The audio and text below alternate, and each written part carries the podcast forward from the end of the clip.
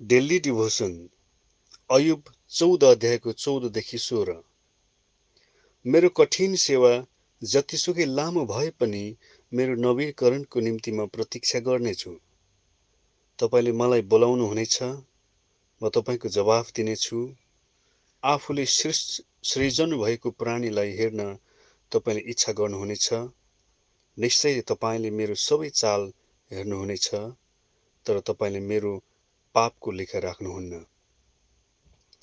अयुबको जीवनमा आइपरेको सङ्कष्टलाई उनले गाह्रो र कठिन सेवाकार्यको रूपमा सम्झे। यो अवधि कठिन भए तापनि यसको अन्त्य हुनेछ।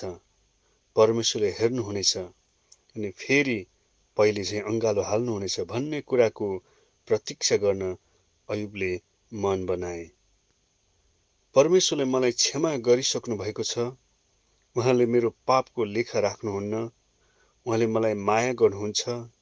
भयङ्कर उतार चढाव बिच पनि उहाँको भलाइले मेरो सबै सङ्कष्टलाई जित्नेछ भन्ने सोचाइ र विश्वास अयुबले गरिरहे।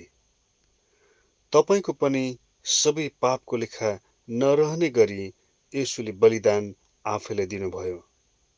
यसर्थ परमेश्वरले तपाईँलाई आज एक असल र धर्मी व्यक्तिको रूपमा देख्नुहुन्छ। जीवनमा कठिन अवस्था भएर जाँदै हुनुहुन्छ भने अयुबले झैँ सोच्नुहोस् विश्वास गर्नुहोस् र प्रतीक्षा गर्नुहोस्। परमेश्वरले तपाईँलाई त्यस कठिन परिस्थितिबाट निकाल्नुहुनेछ। यसुले तपाईँलाई पुरा गरेर क्षमा दिइसक्नु भएको छ।